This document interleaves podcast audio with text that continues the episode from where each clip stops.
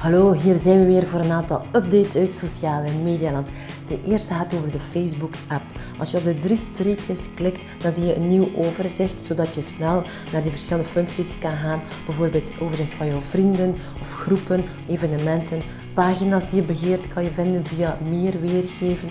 Ook advertentiebeheer kan je zo makkelijk gaan consulteren.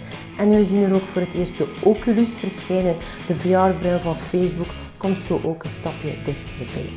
Messenger heeft ook een nieuwe layout, daar hadden we het vorige week al over.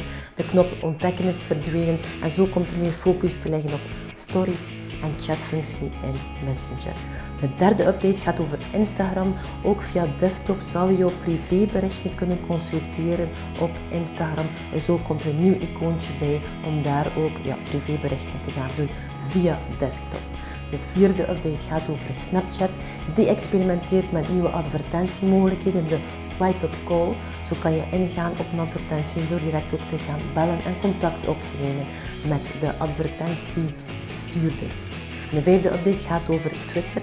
Twitter komt met fleets zou het de stories van de tweets kunnen noemen, want het zijn tweets die maximum 24 uur meegaan en die je kunt consulteren door op de profielfoto te klikken van de account op Twitter. Maximum 24 uur. Stories, we hebben het al gezegd, stories zijn zeer belangrijk in 2020, want zowat bijna alle sociale mediakanalen kan je daarop gaan inzetten. Ik wens jou heel veel succes en heel graag tot de volgende.